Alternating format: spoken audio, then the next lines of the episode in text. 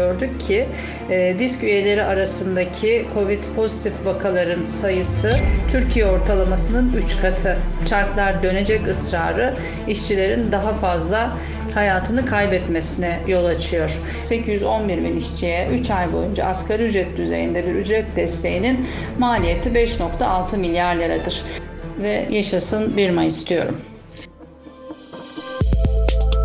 Bizi Kısa Dalga Net ve podcast platformlarından dinleyebilirsiniz. Covid-19 salgını nedeniyle birçok yeni şey yaşadı insanlık. Ee, bu 1 Mayıs kutlamaları da veya etkinlikleri de e, yeni bir şey olarak tarihe geçecek herhalde. Emekçiler, çalışanlar, sistemde her türlü derdi olanlar ilk kez bu 1 Mayıs'ta meydanlarda taleplerini dile getiremeyecek. Tüm dünyada Covid-19 salgını nedeniyle 1 Mayıs etkinlikleri kitlesel olarak yapılamayacak. Salgın karşısında çalışanların durumunu ve 1 Mayıs'ı Derimci İşçi Sendikaları Konfederasyonu Başkanı Arzu Şerkesoğlu ile konuşuyoruz. Öncelikle başınız sağ olsun. Derimci Yapış Sendikası'nın yöneticilerinden Hasan Oğuz'u da salgın hastalık nedeniyle yitirdik. Tüm uyarılara rağmen ısrarla çalıştırılan ve bu nedenle kendi ailelerinin hayatını riske atan emekçilere saygıyla deyip Sayın Çerkezoğlu'na bırakıyorum sözü. Merhabalar. Öncelikle çok teşekkür ediyoruz. Gerçekten Hasan arkadaşımızın kaybı bizim açımızdan son derece sarsıcı oldu. Siyasi iktidarın bu salgın koşullarında çarklar dönecek ısrarının üretim zorlamasının sonucu olarak Hasan arkadaşımızı kaybettik. Çalıştığı şantiyede Galata Port şantiyesinde 3 Nisan günü 3 işçi de Covid pozitif saptanmıştı. Bütün ısrarlarımıza rağmen şantiyede çalışma devam etti ve 7 Nisan'da bundan 4 gün sonra da Hasan arkadaşımız e, kalp krizi tablosuyla ve Covid e, tablosuyla hastaneye geldi ve ardından da kendisini kaybettik. Bugün siyasi iktidarın bu üretim zorlamasının sonuçlarını, e, çarklar dönecek zorlamasının sonuçlarını işçiler bu enfeksiyona, bu salgına daha fazla maruz kalarak ve canlarıyla ödemeye ödüyor ne yazık ki. Salgının ardından risk salgınla ilgili düzenli raporlar yayınlamaya başladı. Konfederasyonunuza bağlı sendikalardan gelen son bilgiler ne? Yani iş yerlerinde, konfederasyonunuza bağlı iş yerlerinde çalışan kaç üyenizde COVID-19 pozitif çıktı?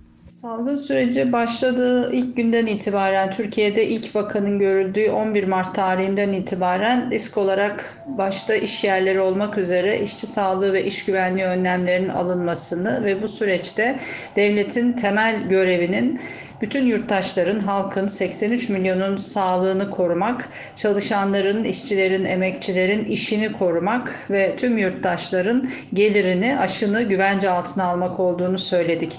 Örgütte olduğumuz iş yerlerinde disk üyesi sendikalarımıza bağlı olan iş yerlerindeki işçi arkadaşlarımızın bu salgından nasıl etkilendiğini e, ve ne koşullar altında çalıştığımızı belirlemek için de ilk günden itibaren örgütte olduğumuz iş yerlerinden bilgileri bilgileri alıyoruz ve düzenli olarak bunları raporlar halinde de e, kamuoyuyla paylaşıyoruz. E, en son 17 Mart itibariyle 17 Mart Cuma günü itibariyle gelen bilgiler doğrultusunda gördük ki e, disk üyeleri arasındaki COVID pozitif vakaların sayısı Türkiye ortalamasının 3 katı. Bu aslında bize iktidarın bu üretim zorlamasının ve e, çarklar dönecek ısrarının sonucu olarak işçilerin bu enfeksiyondan, bu salgından daha fazla etkilendiğini gösteren bir veri. Yani iktidar zorunlu, acil, temel e, mal ve hizmet üretilen iş yerleri dışında diğer işleri tatil etmeyerek, buralarda çalışmayı durdurmayarak, hatta sokağa çıkma yasağına rağmen bu iş yerlerinin çalışmasına izin vererek salgının işçiler arasında daha fazla yaygınlaşmasına neden oluyor ve e, çarklar dönecek ısrarı işçilerin daha fazla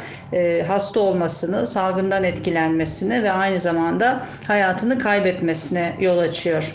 Ve bugün açısından bakıldığında e, çok ciddi sayıda işçi arkadaşımız çalışmak zorunda kaldığı için bu virüse daha fazla e, maruz kalıyor ve bu açıdan bakıldığında da aslında bu salgınla mücadele açısından toplumsal olarak da verilen mücadeleyi zayıflatan bir unsur. Çünkü bu iş yerlerinde dip dibe çalışan, hiçbir sosyal mesafe, fiziki mesafenin mümkün olmadığı, ortak kullanım alanları, yemekhaneler, işe gidiş gelişte kullanılan servisler ya da toplu taşıma aracı kullanan işçi arkadaşlarımızın olduğunu düşünürsek e, virüs çok hızlı bir şekilde yayılıyor ve aynı şekilde evlere, ailelere taşınıyor. Dolayısıyla topluma taşınıyor. Yani aslında iktidarın ne olursa olsun sermayenin çıkarlarını koruma kaygısı virüsle mücadele açısından bütün bir toplumu da korumasız bırakıyor. E, aklın ve bilimin söylediği bir şey var. E, Sağlık Bakanı da e, özellikle e, bir bu virüsün son derece bulaşıcı olduğunu, bir kişinin 16 kişiye bulaştırdığını en az ve e, bu virüsten korunmak için öncelikli yapılması gereken şeyin izolasyon olduğunu, mesafe olduğunu, teması azaltmak olduğunu söylüyorlar. Evde kal çağrıları yapıyorlar ama bütün bu çağrılardan e, işçiler muaf tutuluyor. Yani evet toplum evde kalsın, e, evde kalmak gerekli bu virüsle mücadele için ama işçiler hariç deniliyor. Çünkü ilk günden itibaren siyasi iktidarın, hükümetin, AKP'nin bütün politikaları yaşanan bu salgın sürecinde sermayeyi korumaya dönük politikalar. O nedenle e, işçilerin çalışmaya devam etmesi, çarklar dönecek politikası bu süreçte siyasi iktidarın temel bakış açısı. Biz Türkiye'de koronavirüs vakasının görüldüğünün açıklanmasının hemen ardından ilk talepte bulunan örgütlerden biri oldu. Neler talep ettiniz veya iktidar sesinizi duydu mu?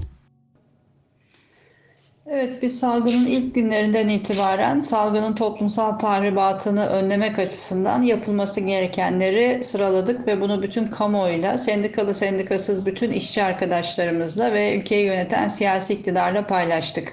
Başta işten çıkarmaların yasaklanması, gerçek bir işten çıkarma yasağının olması, bütün çalışanların ücretli izinli sayılması ve gelirinin güvence altına alınması, kayıt dışı çalışanlar dahil olmak üzere bu süreçte gelirlerinin korunması, e, zorunlu, acil e, hizmet üreten başta hastaneler ve belediyeler dışında diğer bütün alanlarda çalışmanın durdurulması temel taleplerimiz e, idi. Bu süreçte ne yazık ki siyasi iktidarın bütün politikaları yaşanan bu e, krizden yani koronavirüs salgını nedeniyle ortaya çıkan bu olumsuz tablodan sermayeyi korumaya dönük e, politikalar ve adımları hayata geçirmek oldu. 18 Mart'ta Çankaya Köşkü'nde bir ekonomik zirve yapıldı biliyorsunuz. Biz disk olarak bu zirveye çağrılmadık. Diğer işçi konfederasyonları çağrılmasına rağmen e, orada o toplantının yapılış biçimi, toplantıda alınan kararlar ve kararların kamuoyuyla paylaşılma biçimi aslında ülkeyi yöneten siyasi iktidarın e, bu süreçteki politikalarını ve yaklaşımını göstermesi açısından son derece e, manidardır ben bizce. E, o toplantıdan 19 maddelik bir paket açıklandı. Adına da ekonomik istikrar kalkanı dediler. Kalkan sözünün kullanılması da ayrıca önemli.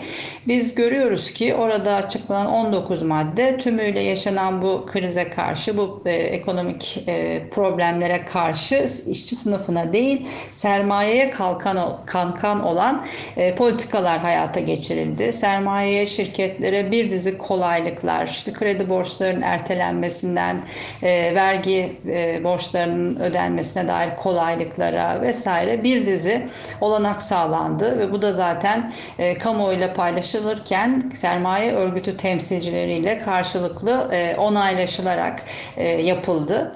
E, fakat o pakette tümüyle sermayeyi kurtarmaya, sermayeye kolaylıklar sağlamaya dönük bir dizi politika varken o pakette işçi yoktu, işsiz yoktu. Bu süreçte işini kaybedenler yoktu, emekçiler yoktu, emekliler yoktu. halk yoktu kısacası.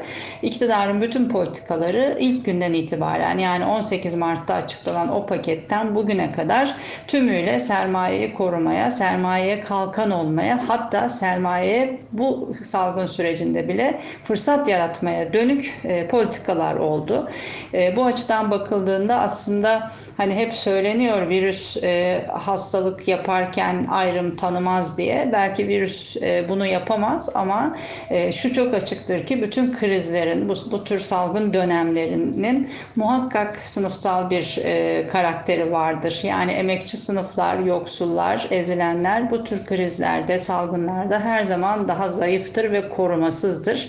Ve siyasi iktidarın bütün politikaları da çok açık ve net bir biçimde Covid-19'la mücadele sürecinde AKP'nin kendi sınıfsal ve siyasal tercihleri doğrultusunda çok açık bir sınıf ayrımcılığı yapılmaktadır. Bütün topluma evde kal çağrıları yapılırken, sokağa çıkma yasakları ilan edilirken işçilerin bu sürecin dışında tutulması asla kabul edilemez. Örneğin 20 yaş altına sokağa çıkma yasağı getirildi biliyorsunuz ama 24 e, saat sonra bir genelge daha yayınlandı ve 18-20 yaş arasında çalışanlar hariç denildi. Türkiye'de 18-20 yaş arasında çalışan 811 bin genç işçi var. Ee, çok kaba bir hesapla bu 811 bin genç işçiye e, bu devletin 3 ay boyunca salgının 3 ay süreceğini düşünürsek 3 ay boyunca asgari ücret düzeyinde bir ücret desteği sağlamaya e, olanağı yok mudur? Kuşkusuz vardır. Kabaca hesaplarsak 811 bin işçiye 3 ay boyunca asgari ücret düzeyinde bir ücret desteğinin maliyeti 5.6 milyar liradır. Bu ülkenin kaynakları bütün bunları sağlamaya yeterlidir. Yeter ki bu kaynaklar işçiden yana, emekçiden yana kullanılsın. Peki diğer konfederasyonlarla yani Türk İş ve Ak İş'te de görüştünüz mü? Onların bu sürece karşı tavırları ne oldu? Bu süreçte kuşkusuz bugüne kadar birlikte yol yürüdüğümüz başta e, KESK, Türk Tabipleri Birliği, TMOP gibi e, e, sendikalarla, ilerici emek örgütleriyle, diğer toplumsal kesimlerle birlikte bu mücadeleyi büyütme kararlılığındayız.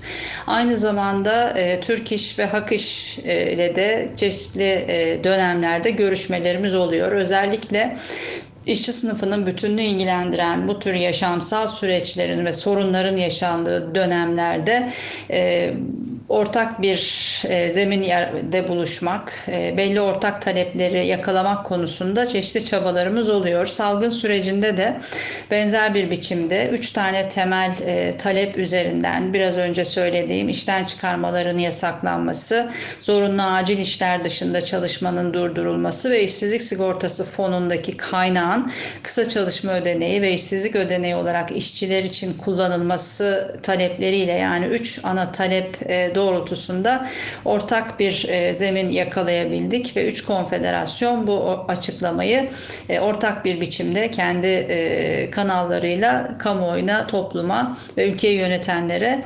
ulaştırdı. Ama bu zaman zaman örneğin asgari ücret sürecinde vergi politikaları konusunda bu tür ortak açıklamalar gerçekleştirebiliyoruz. Ama bunu siyasi iktidarı zorlayacak bir ortak eylemlik sürecine taşımak konusunda henüz e, çok da yeterli bir noktada olunmadığı açık.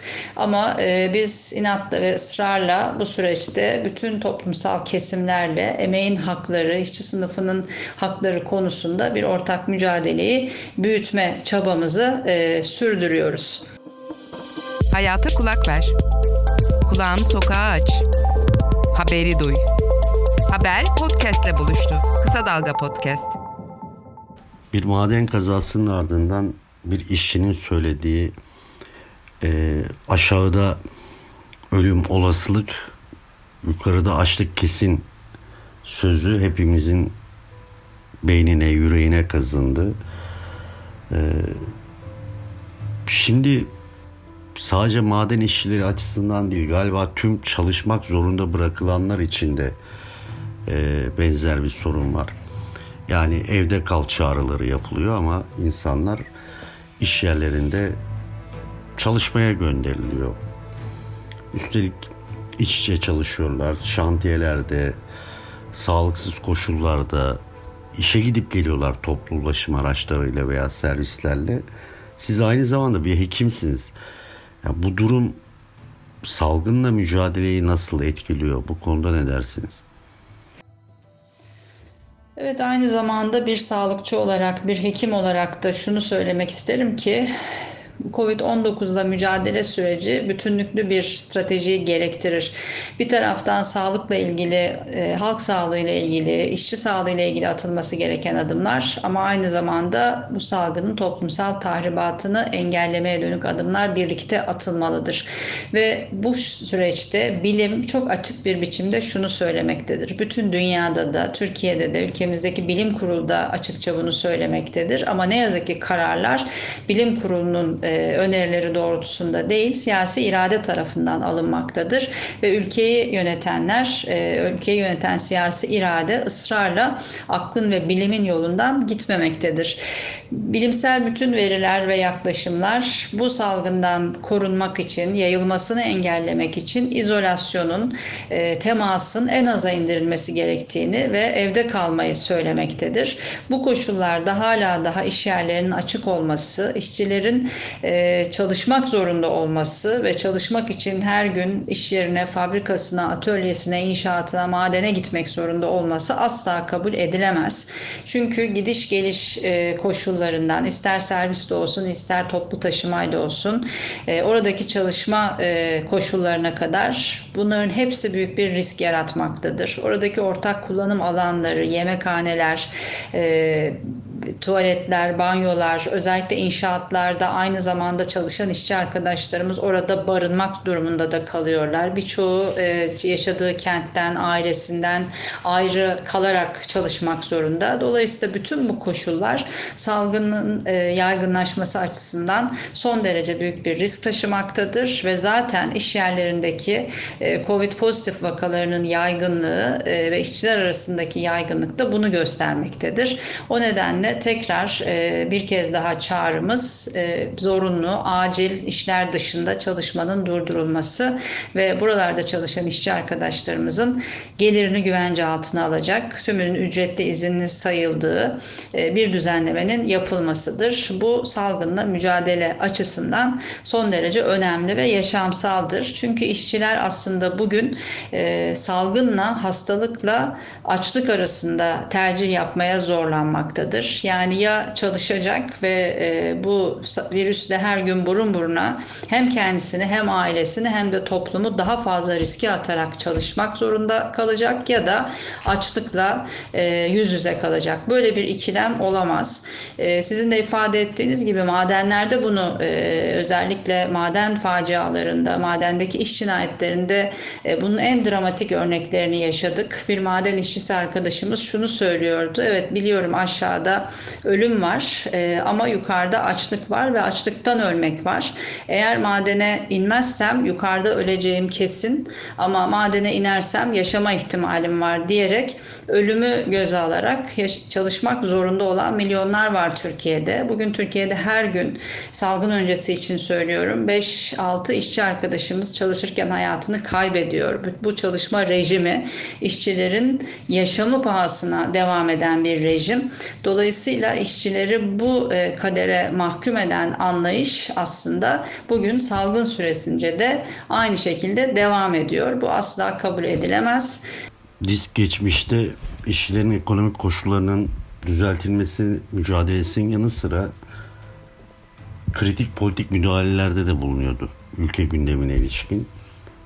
Mesela 70'li yıllarda DGM'lere karşı direniş, faşizme ihtiyar grevi gibi. Ama artık o günlerin üzerinden 10 yıllar geçti. Yani şimdi diskin çağrılarının işçiler arasında karşılık bulacağına inanıyor musunuz? Veya karşılık buluyor mu? Tabii bir de yeni bir sorun var. Durum sadece işçilerin değil toplumun doğrudan sağlığı ile ilgili.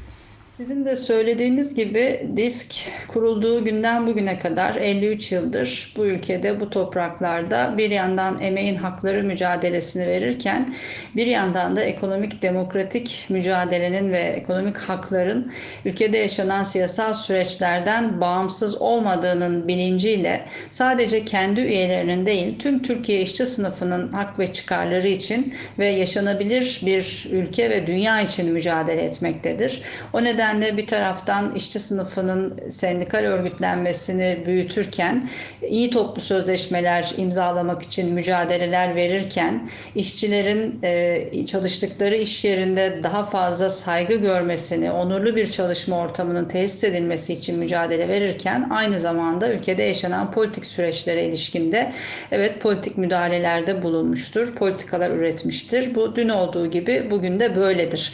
Ancak tabii e, bütün dünyada da Türkiye'de de özellikle 20. E, yüzyılın son çeyreğinden itibaren yaşanan süreç yani 40 e, yıllık bir neoliberalizm hikayesinin içerisinden bakarsak bütün sendikaların genel olarak dünyada da Türkiye'de de çok ciddi bir biçimde güç kaybettiği, toplumsal etkilerinin zayıfladığı bir dönemi yaşıyoruz. Yani aslında bütün dünyada da Türkiye'de de nüfusun çok önemli bir kısmı işçileşirken, proleterleşirken gelişirken işçi sınıfının hem sendikal örgütlerinin hem siyasal örgütlerinin zayıfladığı bir dönemi yaşıyoruz. O nedenle bugün disk açısından kuşkusuz e, 1980 öncesi ki 12 Eylül süreci Türkiye açısından bu söylediğim e, politikaların hayata geçirilmesine çok daha fazla olanak sağladı sermaye açısından.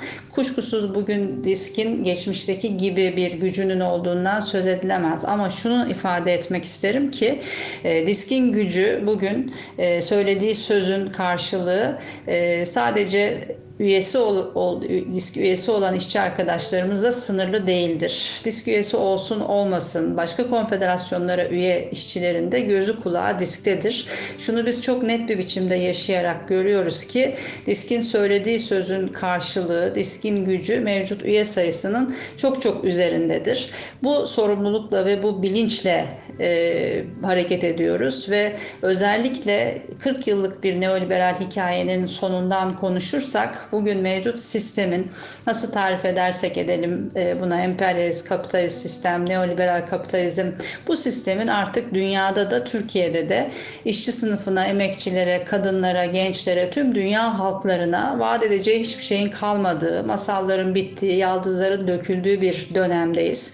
Yani bugün artık bu e, koşullarda ki COVID-19 salgını bunu çok daha açık bir biçimde ortaya koymuş durumdadır. E, yaşanabilir yaşanabilir bir ülke, yaşanabilir bir Türkiye ve bir dünya için mücadele etmek, yani başka bir toplumsal düzen için mücadele etmek, yani emeğin haklarının verildiği, e, yarattığımız toplam değerin hakça paylaşıldığı, sendikal örgütlenmenin önündeki engellerin kaldırıldığı, eşitliğin, özgürlüğün, adaletin, barışın ve kardeşliğin tesis edildiği yani bir emeğin Türkiye'si yani üretenlerin yöneten olduğu bir Türkiye ve dünya mücadelesi veriyoruz ve böyle bir sorumlulukla bu, bu mücadeleyi böylesi bir tarihsel sorumlulukla tüm zorluklara içinden geçtiğimiz bu baskıcı otoriter rejim koşullarında tüm zorluklara ve baskılara rağmen ve tüm yetersizliklerimize kuşkusuz rağmen bu mücadeleyi e, omuz omuza yürütmeye çalışıyoruz. Önümüz 1 Mayıs. Galiba tüm dünyada kitlesel olarak kutlamalar yapılamayacak. Disk 1 Mayıs için Türkiye'de ne tür eylemlilikler düşünüyor, neler yapacak? 1 Mayıs işçi sınıfının uluslararası birlik, mücadele ve dayanışma günü ve tarihte ilk kez 1 Mayıs bu yıl dünyanın her yerinde kitlesel bir biçimde meydanlarda kutlanamayacak. İkinci Dünya Savaşı yıllarında bile 1 Mayıs'ın meydanlarda kutlandığını düşünürsek ondan daha ağır bir e, süreci yaşıyoruz. Ve bütün dünyada da Türkiye'de de yaşanan bu büyük salgın süresinde işçilerin, emekçilerin, halkın e, sokağa çıkmasının, yan yana gelmesinin olanaklarının çok sınırlı olduğu bir biçimde 1 Mayıs'ı kutlayacağız. O nedenle e, bir taraftan 1 Mayıs'ı bir emek haftası olarak 27 Nisan e, pazartesi günü başlayan ve 1 Mayıs'a kadar devam eden e, bir hafta olarak kutlayacağız ve e, 1 Mayıs'ta iş yerlerimizden, evlerimizden, bulunduğumuz her yerden deyim yerinde ise kalbimizin attığı her yer 1 Mayıs Mayıs alanıdır diyerek taleplerimizi, mücadele hedeflerimizi, gelecek dünya düşlerimizi ifade edeceğiz bütün dünya işçi sınıfı ile buluşmak ve özellikle e, binlerce kilometre ötede yüzünü hiç görmediğimiz işçi arkadaşlarımızla taleplerimizi ve gelecek dünya düşlerimizi birleştirdiğimiz bir gün olması açısından da 1 Mayıs önemlidir. O nedenle disk olarak üyesi olduğumuz Avrupa Sendikalar Konfederasyonu ve Uluslararası Sendikalar Konfederasyonu ile birlikte e, bütün taleplerimizi ve etkinliklerimizi dünya işçi sınıfıyla da buluşturacağız ve dünyanın dört bir tarafından beş kıtadan gelen e, işçi arkadaşlarımızdan, sınıf kardeşlerimizden gelen mesajları da Türkiye kamuoyuyla ve işçi sınıfıyla buluşturacağız. E, bu süreçte her zaman olduğu gibi başta KESK, TMOP ve TTB olmak üzere emek örgütleri, meslek odaları, kadın örgütlerinden gençlik örgütlerine, siyasi partilerden yöre derneklerine kadar bu ülkenin bütün demokrasi güçleriyle birlikte 1 Mayıs çalışmalarını yürütüyoruz. Bununla ilgili bir basın toplantısıyla programımızı paylaştık ve pazartesi gününden itibaren başlayan sosyal medya kampanyalarından e, bu süreçte taleplerimizi görünür kılmaya dönük etkinliklerle 1 Mayıs'ı hayata geçireceğiz. Bütün toplumsal kesimlerin, aydınların, sanatçıların, yazarların e, mesajlarını, iş yerlerinde halen çalışmakta olan, çalışmak zorunda olan işçi arkadaşlarımızın etkinliklerini, mesajlarını e, buluşturacağız. Aynı zamanda her yıl yaptığımız gibi 1977 1 Mayıs'ında yitirdiğimiz arkadaşlarımızı anmak için Kazancı'da ve yine Şişhane'de ve Kadıköy'de e, yitirdiğimiz arkadaşlarımız için anmalarımızı yapacağız.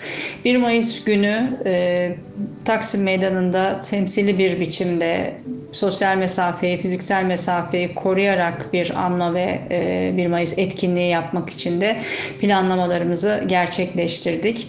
Evlerimizden, balkonlarımızdan, e, pencerelerimizden 1 Mayıs marşı okumak, saygı duruşunda bulunmak, bayraklarımızı asmak, pankartlarımızı asmak gibi e, bir dizi planlama da var. Yani Türkiye'de ve dünyada ilk kez değişik bir 1 Mayıs yaşayacağız.